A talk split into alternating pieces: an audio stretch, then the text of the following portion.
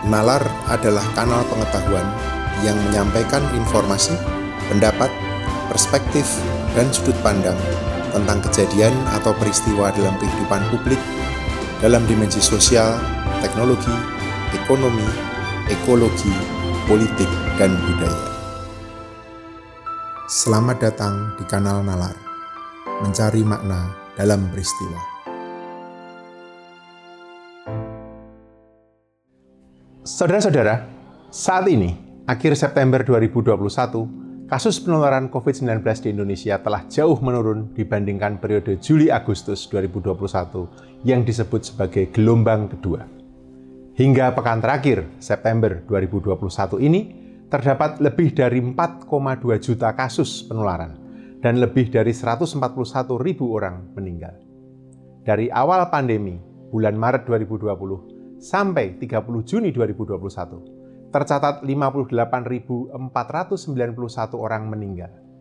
Tetapi, pada tanggal 31 Agustus, yang meninggal tercatat total mencapai 133.023 orang. Artinya, hanya dalam dua bulan 74.532 orang meninggal menjadi korban.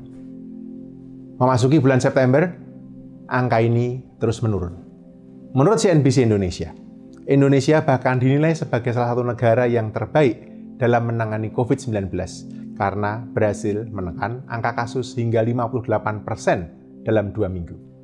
Namun, menurut John Hopkins University, penurunan kasus yang baik ini tetap mendapatkan catatan karena bahkan hingga saat episode ini disiapkan, case fatality rate Indonesia masih nomor tiga tertinggi di dunia.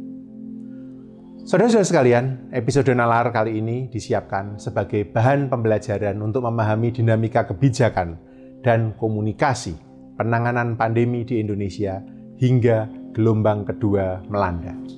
Episode ini adalah versi audio dan audiovisual dari refleksi semi akademik yang saya publikasikan bersama saudari Sofi Sinta Syarif dan dimuat dalam Perspektif ISIAS nomor 113 tahun 2021. Episode ini terbagi dalam tiga bagian. Bagian pertama adalah pengantar dan konteks, serta kerangka analitik. Bagian kedua adalah studi kasus pertama yang dibahas menggunakan kerangka analitik tersebut. Dan bagian ketiga menyajikan studi kasus kedua yang juga dibedah dengan pisau analitik yang sama, serta kesimpulannya. Saudara-saudara, apa ringkasan dan argumen utama studi kasus ini? Satu, lebih dari satu tahun pandemi COVID-19, lemahnya pemerintah Indonesia dalam menangani krisis ternyata turut andil dalam terjadinya gelombang kedua yang sangat parah. Dua, parahnya krisis di Indonesia ini nampaknya berasal dari kurangnya kemauan politik untuk meredam pandemi dan memprioritaskan pertimbangan ekonomi ketimbang pertimbangan kesehatan dan keselamatan masyarakat, yang bisa jadi berakar pada kepentingan politik untuk melayani kepentingan pribadi atau self-serving. Sikap ini tercermin dari keengganan untuk menetapkan lockdown dan juga ketidakmampuan dan ketidakmauan dalam memperlakukan undang-undang kekarantinaan kesehatan yang seharusnya mewajibkan pemerintah untuk menjamin penghidupan mereka yang terkena dampak karantina. Tiga, lemahnya kapasitas negara dalam menegakkan dan mendanai langkah-langkah yang diperlukan untuk meredam pandemi mungkin merupakan faktor utama yang menyebabkan respons pemerintah menjadi tidak memadai. Negara menyerukan agar masyarakat berdisiplin dalam berinteraksi sosial, tetapi di sisi lain, negara tidak menunjukkan kinerja yang cukup baik dalam hal testing, tracing, treatment, dan juga vaksinasi. Akibatnya, fasilitas kesehatan sempat kewalahan. Empat, krisis ini juga diperburuk dengan tidak adanya komunikasi kebijakan yang jelas dan konsisten, yang akibatnya menghambat publik untuk memahami risiko penularan secara utuh. Kurangnya data yang akurat juga menghambat proses pengambilan keputusan yang efektif. Ditambah juga dengan koordinasi implementasi kebijakan yang tidak terlalu baik antar instansi pemerintah dan juga antara pemerintah pusat dan daerah. Dan kelima, terakhir, Dengan kurangnya transparansi ini, ditambah semakin meningkatnya angka infeksi dan kematian, masih banyak yang perlu dibuktikan oleh pemerintah untuk mendapatkan kembali kepercayaan publik bahwa pemerintah mampu mengelola dan terutama mengatasi krisis. Saudara-saudara, satu hari setelah kasus pertama COVID-19 dilaporkan pada tanggal 2 Maret 2020, juru bicara resmi ditunjuk. Pemerintah lalu membentuk gugus tugas pada tanggal 13 Maret 2020. Pada tanggal 31 Maret 2020, pemerintah menetapkan status kedaruratan kesehatan masyarakat atas pandemi COVID-19, memberlakukan pembatasan sosial yang ketat, dan menerbitkan beberapa kebijakan fiskal yang baru untuk menangani pandemi dan memitigasi dampaknya pada perekonomian negara. Pada tanggal 20 Juli 2020, pemerintah membentuk Komite Percepatan Penanganan COVID-19 dan Pemulihan Ekonomi Nasional atau KPC PEN, sebuah komite antar kementerian untuk menangani pandemi dan memimpin pemulihan ekonomi nasional. Demi upaya tersebut, pemerintah mengalokasikan dana sebesar 46,7 miliar dolar pada tahun 2020. Dari dana tersebut, hanya 80% persen yang terserap. Pada tahun 2021, dana ini naik sebesar 2,68 persen menjadi 47,9 miliar dolar. Beberapa cara telah diterapkan untuk menjaga keseimbangan antara menangani pandemi sambil menjaga kondisi perekonomian. Namun, kurva pandemi tidak kunjung melandai, malah terus-menerus bergelombang. Dan pada kuartal kedua tahun 2021, gelombang kedua terjadi dengan skala yang sangat parah. Kasus infeksi harian dan kematian terus meningkat, mencapai angka tertinggi di Asia Tenggara. Pada 15 Juli 2021, total kasus mencapai 2.726.803 dengan 70.192 kematian. Pada tanggal yang sama, tercatat kasus harian dan kematian tertinggi, yaitu 56.757 kasus dan 982 kematian. Sejauh ini, kematian tertinggi tercatat pada tanggal 27 Juli 2021, sebanyak 2.069 kasus kematian dalam satu hari. Walaupun ini adalah angka-angka resmi yang dipublikasikan oleh pemerintah, jumlah kasus pandemi yang nyata terjadi di Indonesia mungkin jauh lebih besar melampaui klaim ini. Hal ini terjadi karena rendahnya jumlah testing yang terlihat dari positivity rate yang konsisten di atas 20%. Rumah sakit dan vaskes kolaps. Mereka kehabisan tempat tidur dan tidak dapat menampung pasien baru. Dengan ketersediaan oksigen yang semakin langka, pasien yang kritis terpaksa dibaringkan di bangsal dan selasar rumah sakit atau tenda-tenda darurat para tenaga kesehatan kelelahan dan ikut tertular, lantas meninggal. Beberapa kelompok masyarakat bergotong royong membangun shelter di level komunitas. Ini dilakukan untuk membantu mengurangi beban rumah sakit. Bahkan dengan situasi yang sudah sangat kritis seperti itu, kebijakan pemerintah tetap terlihat simpang siur. Baru tiga bulan memasuki pandemi pada bulan Juni tahun 2020, pemerintah mengumumkan new normal yang mencabut aturan pembatasan sosial berskala besar atau PSBB. Kebijakan ini menuai kritik karena memberikan ilusi bahwa puncak pertama pandemi telah berlalu dan kurva telah berhasil dilandaikan. Padahal realitanya tidak seperti itu. Indonesia masih tetap berada dalam gelombang pertama hingga gelombang kedua datang. Dan bahkan sampai sekarang pun pesan dari pemerintah masih belum jelas dalam hal mengambil tindakan drastis seperti misalnya lockdown. Jika kita refleksikan ke belakang, akar permasalahannya cukup fundamental. Kebijakan pemerintah atas COVID-19 amat mungkin dipengaruhi oleh kepentingan politik yang mementingkan kepentingan pribadi. Istilahnya self-serving political interest. Sifat mementingkan diri sendiri ini mengaburkan berbagai cara dalam mempertimbangkan hal strategis dan mengambil keputusan sulit. Dalam kasus pandemi COVID-19, bisa dinyatakan bahwa tidak ada kemauan politik sama sekali untuk mengimplementasikan Undang-Undang Nomor 6 Tahun 2018 tentang kekarantinaan kesehatan, di mana pemerintah bertanggung jawab akan kebutuhan hidup dasar orang dan makanan hewan ternak yang berada di wilayah karantina. Alih-alih melakukan hal ini, pemerintah memilih untuk menciptakan berbagai macam eufemisme untuk membatasi gerak publik, sekedar untuk menghindari pemakaian istilah karantina atau lockdown yang mungkin dilakukan agar pemerintah terhindar dari tanggung jawab untuk menyediakan bantuan sosial yang dibutuhkan masyarakat. Pengelakan ini tidak hanya menghambat respons optimal atas pandemi, tapi juga menjadi salah satu alasan utama rendahnya kepatuhan masyarakat dan menciptakan apa yang disebut dengan disonansi antara apa yang menjadi kewajiban pemerintah dan apa kewajiban publik itu sendiri. Terutama saat beberapa kebijakan hanya digunakan untuk menghukum orang-orang yang diduga melanggar aturan pembatasan gerak. Tidak ada visi dan pembagian peran yang jelas dalam upaya merespon pandemi dari pemerintah pusat hingga daerah dan antara kementerian dan lembaga pemerintah. Inilah yang menyebabkan kebijakan tidak konsisten, sehingga menjadi simpang siur untuk masyarakat memahaminya. Informasi yang semerawut ini mempunyai implikasi politik yang serius, menjadi bahan pertanyaan publik tentang efektivitas dan kompetensi pemerintah dalam mengelola krisis.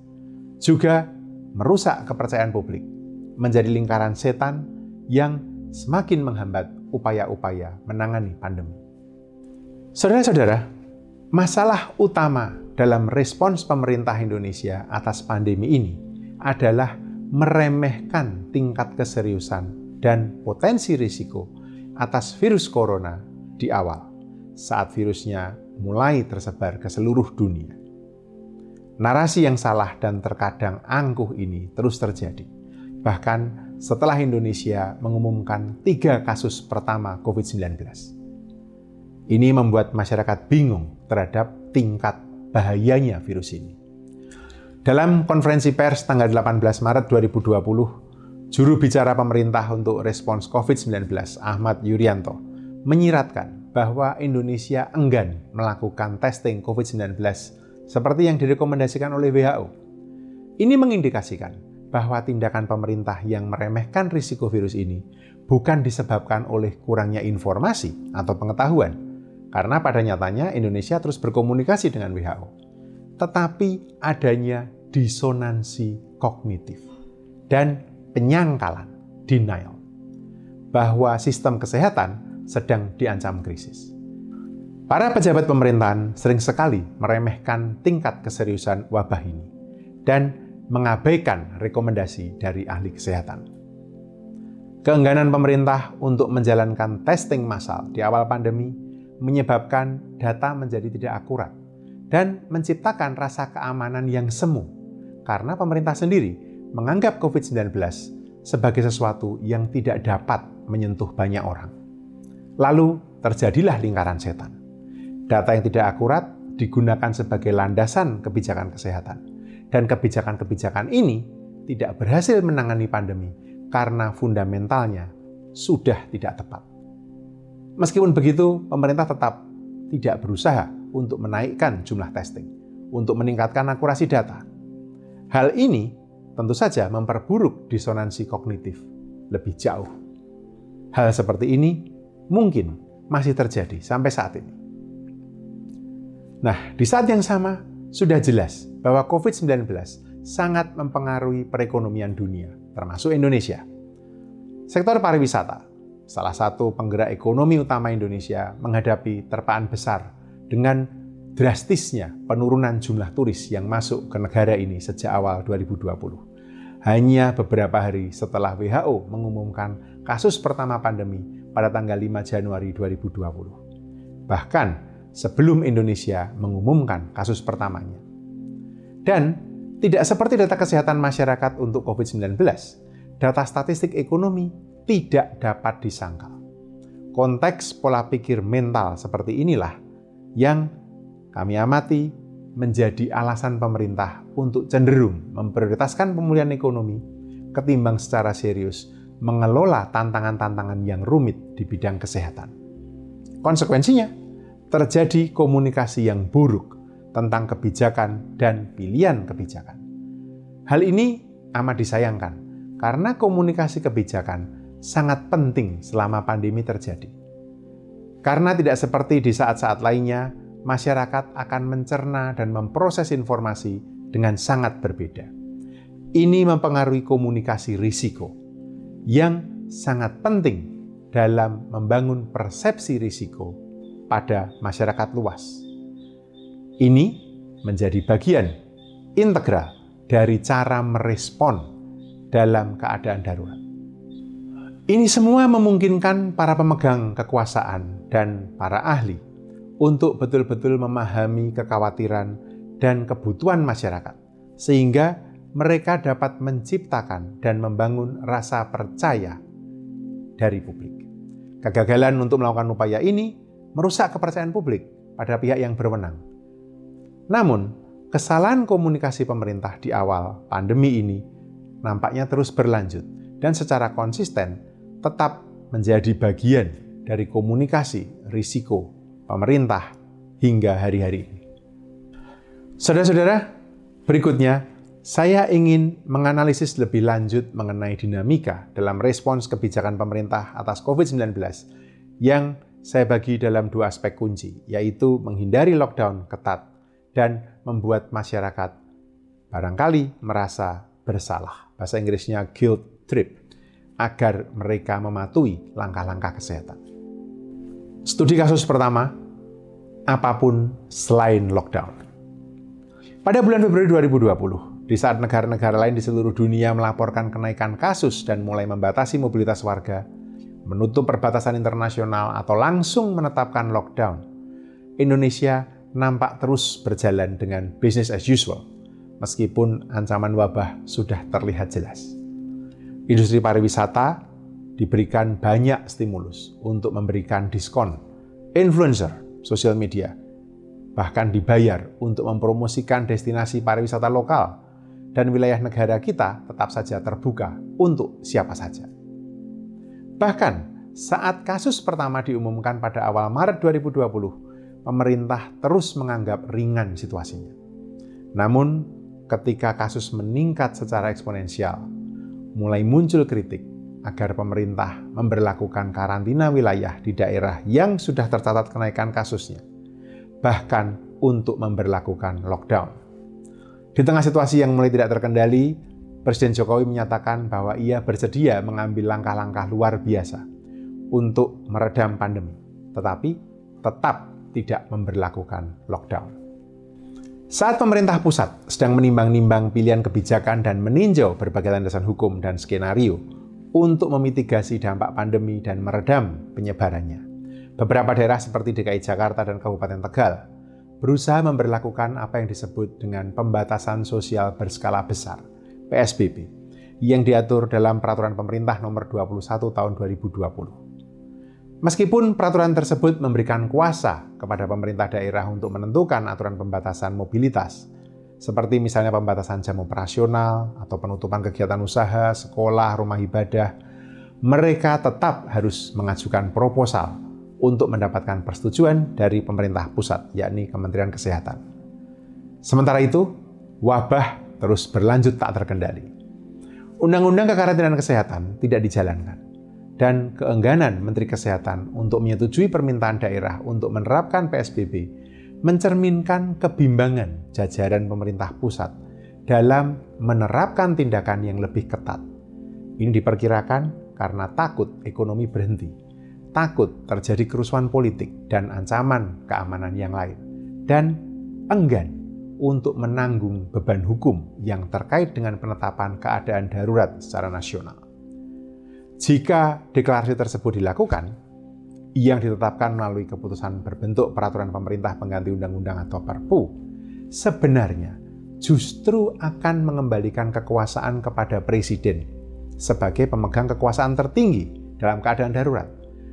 Ini akan mengefisienkan koordinasi di semua lini pemerintahan dan memungkinkan strategi nasional yang lebih koheren untuk mengendalikan pandemi.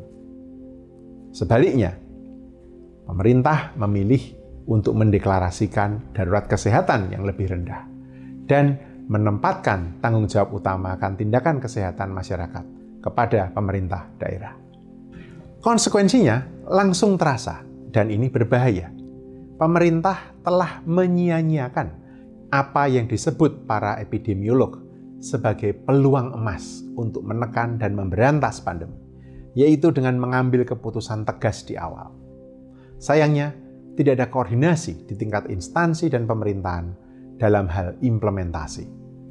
Surveillance yang sebetulnya sangat penting tidak cukup memadai. Data epidemiologi ditekan karena pemerintah daerah dan politisi berusaha memberikan citra bahwa mereka kuat menangani pandemi ketegangan meningkat antara daerah dan lembaga-lembaga ad hoc yang sengaja didirikan untuk melawan pandemi. Meskipun perselisihan politik ada di luar cakupan analisis dalam episode ini, hal itu jelas berperan dalam membuat situasi yang sudah kacau menjadi semakin buruk. Setahun berjalan, para pejabat Indonesia terlihat masih kesulitan untuk memahami bahwa pembatasan mobilitas dan implementasinya yang konsisten adalah cara paling efektif untuk menghentikan pandemi. Di tengah gelombang kedua, masih banyak ketidakpastian dalam pembuatan kebijakan, seperti pesan yang membingungkan mengenai mudik di periode Lebaran dan skema resmi seperti work from Bali atau work from Yogyakarta. Sejalan dengan meningkatnya angka infeksi dan kematian, sikap yang penting tidak lockdown atau asal tidak lockdown. Sekali lagi, menjadi keputusan yang diandalkan Presiden di dalam pidatonya tanggal 23 Juni 2021. Terlihat jelas bahwa Presiden menghadapi dilema karena preferensinya untuk memitigasi dampak ekonomi dijalankan melalui aturan yang lebih ketat, yaitu PPKM darurat, efektif dari tanggal 3 sampai 20 Juli 2021, bukan hard lockdown. Studi kasus yang kedua membuat masyarakat merasa bersalah, mengalihkan beban kesalahan. Kunci untuk melawan pandemi yang ganas adalah dengan membuat rencana aksi pemerintah yang komprehensif dan komunikasi risiko yang memungkinkan masyarakat untuk memahami risiko dan mengadopsi perilaku yang protektif. Baik pemerintah atau publik mempunyai tanggung jawabnya masing-masing dan harus sama-sama berkomitmen untuk menjalankan peran mereka. Publik harus mematuhi protokol kesehatan untuk melindungi diri mereka dan keluarga, yang pada akhirnya akan menjaga komunitas dan masyarakat yang lebih luas.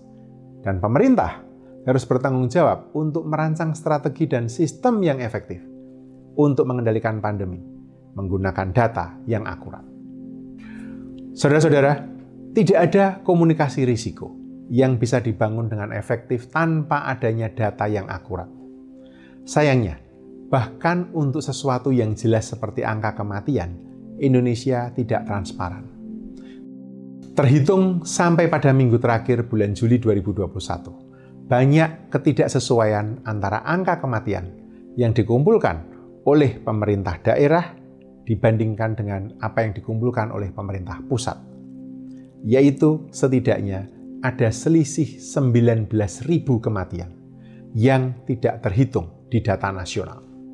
Bahkan beberapa pemerintah daerah memperkecil definisi kematian COVID-19 dari yang ditetapkan oleh WHO untuk menurunkan atau menekan angka kematian. Pemerintah telah mengelompokkan dua aspek dari upayanya untuk menjamin keselamatan kesehatan masyarakat dengan menggunakan akronim 3M dan 3T. 3M adalah memakai masker, mencuci tangan, dan menjaga jarak.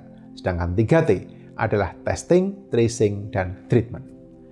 Banyak penekanan terhadap tanggung jawab publik untuk mematuhi 3M. Untuk mempopulerkan pesan ini, pemerintah bahkan meminta bantuan musisi, selebriti, dan influencer sosial media untuk menyebarkan pesannya. Advertorial atau iklan juga diterbitkan di kanal berita, dan banyak juga yang dibayar untuk membuat kampanye. Dan ini semua diproduksi secara in-house. Pada awal tahun 2021, protokol 3M di-upgrade menjadi 5M, ditambah dengan menjauhi kerumunan dan membatasi mobilitas dan interaksi. Namun, walaupun kampanye 5M telah amat ekstensif, dari sisi pemerintah masih amat kurang pelaksanaan 3T. Selain pengumuman harian tentang statistik resmi. Pemerintah memiliki kewajiban hukum untuk menginformasikan kepada publik tentang metode dan prosedur testing, tracing, dan isolasi. Namun, komunikasi pemerintah tentang aspek 3T masih sangat kurang. Komunikasi yang buruk ini menyebabkan masalah di lapangan, membuat masyarakat curiga kepada para pelacak kontak, dan tenaga kesehatan terstigmatisasi, bahkan sampai diserang. Menyangkut hal ini, Kementerian Kesehatan menyepelekan masalahnya, mengatakan bahwa upaya-upaya 3T tidak berada dalam domain publik. Seorang penasihat pemerintah bahkan menyebutkan 3T sebagai tanggung jawab individual untuk mengabarkan orang-orang di sekitarnya jika mereka terinfeksi, menegaskan seolah-olah itu adalah pangkal masalah atas kurangnya testing dan tracing. Ini merefleksikan dua hal yaitu kurangnya kapasitas negara dan adanya rasa puas diri dan keinginan untuk memprioritaskan keberlangsungan ekonomi dibanding menyelamatkan nyawa manusia. Pemerintah Indonesia mengalami kesulitan untuk mencapai target WHO, yaitu 40.000 tes per hari. Angka tes ini stagnan di paruh pertama 2021. Bahkan setelah Kementerian Kesehatan menyetujui pada bulan Februari 2021 untuk memasukkan tes antigen sebagai bagian dari surveillance epidemiologi di bawah panduan WHO. Salah satu jumlah testing terendah tercatat pada tanggal 30 April 2021 dengan jumlah PCR hanya 26.939, rapid molekuler 246, dan tes antigen 24.479. Peningkatan yang signifikan terjadi setelah PPKM darurat diimplementasikan dengan jumlah tes tertinggi pada tanggal 22 Juli tahun 2021 sebanyak 104.352 PCR dan 124.350 tes antigen. Sebuah survei dari WHO dan Kementerian Kesehatan menunjukkan bahwa kebanyakan kasus ditemukan melalui kontak tracing yang dilakukan secara manual tanpa sistem dokumentasi yang rapi. Sebanyak sekitar 95% dari fasilitas kesehatan primer hanya mampu untuk melakukan trace kurang dari 20 kontak per kasus. Dan setengah dari mereka hanya bisa mendapatkan kurang dari 5 kontak untuk setiap kasus positif. Ini jauh di bawah tolok ukur WHO, yaitu 30. Saudara-saudara, melihat kurangnya testing, tracing, dan kapasitas surveillance, pemerintah seperti mengalihkan kesalahan ini kepada publik ada pernyataan yang sangat ironis dan membuat publik merasa bersalah. Diucapkan saat musim liburan, akhir tahun lalu, ketika orang-orang bepergian bebas hampir tanpa batasan. Juru bicara gugus tugas COVID-19 mengatakan bahwa orang-orang yang tidak mematuhi protokol kesehatan ibaratnya seperti menggali kuburan mereka sendiri. Pernyataan ini jelas menuai kritik keras dari publik. Walaupun vaksinasi telah dimulai dan sudah berjalan dengan cukup baik, testing, tracing, dan treatment tetap harus dilanjutkan sebagai kunci untuk mengendalikan COVID-19. Ini harus dilakukan terus sampai jumlah orang yang tervaksinasi cukup banyak, sehingga sebaran virus melambat, yang mungkin akan memakan waktu setidaknya satu tahun lagi. Jadi, saran para ahli adalah agar pemerintah menaikkan kapasitas 3T mereka dan mengkomunikasikan semua proses secara transparan dan efektif kepada publik. Karena, mengutip Dirjen WHO, kita tidak bisa melawan api dengan mata tertutup, dan kita tidak bisa menghentikan pandemi jika kita tidak tahu siapa yang terinfeksi.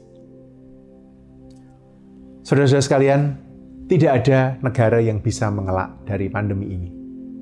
Tetapi apa yang membuat nasib dari masing-masing negara berbeda adalah kapasitas mereka dalam mengatasi bencana dan menyelamatkan nyawa rakyatnya. Respons pandemi yang tepat adalah hasil dari kapasitas negara yang tinggi dan komunikasi kebijakan yang jelas dan tidak simpang siur. Tapi, ini semua hanya bisa tercapai jika pilihan kebijakannya juga jelas, sebagai hasil dari kemauan politik yang kuat. Bagaimanapun, Walaupun logika tersebut masih kurang memadai untuk menjelaskan proses respons pemerintah sejauh ini, cara berpikir ini mungkin bisa membantu kita memahami kompleksitasnya, terutama dalam kasus Indonesia. Ketidakmampuan pemerintah Indonesia untuk betul-betul meredam pandemi ini bukan hanya akibat dari kapasitas negara yang rendah dan lemah atau komunikasi kebijakan yang buruk. Di bawah itu, kemungkinan besar ada masalah yang lebih fundamental, yakni kurangnya kemauan politik untuk all out dalam melawan pandemi, dikarenakan oleh perangai politik yang mementingkan diri sendiri dan disonansi kognitif dalam memahami skala pandemi yang sebenarnya. Walaupun undang-undang kekarantinaan kesehatan seharusnya bisa membantu meredam pandemi di tahap-tahap awal dan mungkin menghindari pemerintah dari beban sosial, ekonomi, dan bahkan politik. Pelaksanaannya tidak terjadi dengan baik karena tidak ada kemauan politik untuk menjalankannya.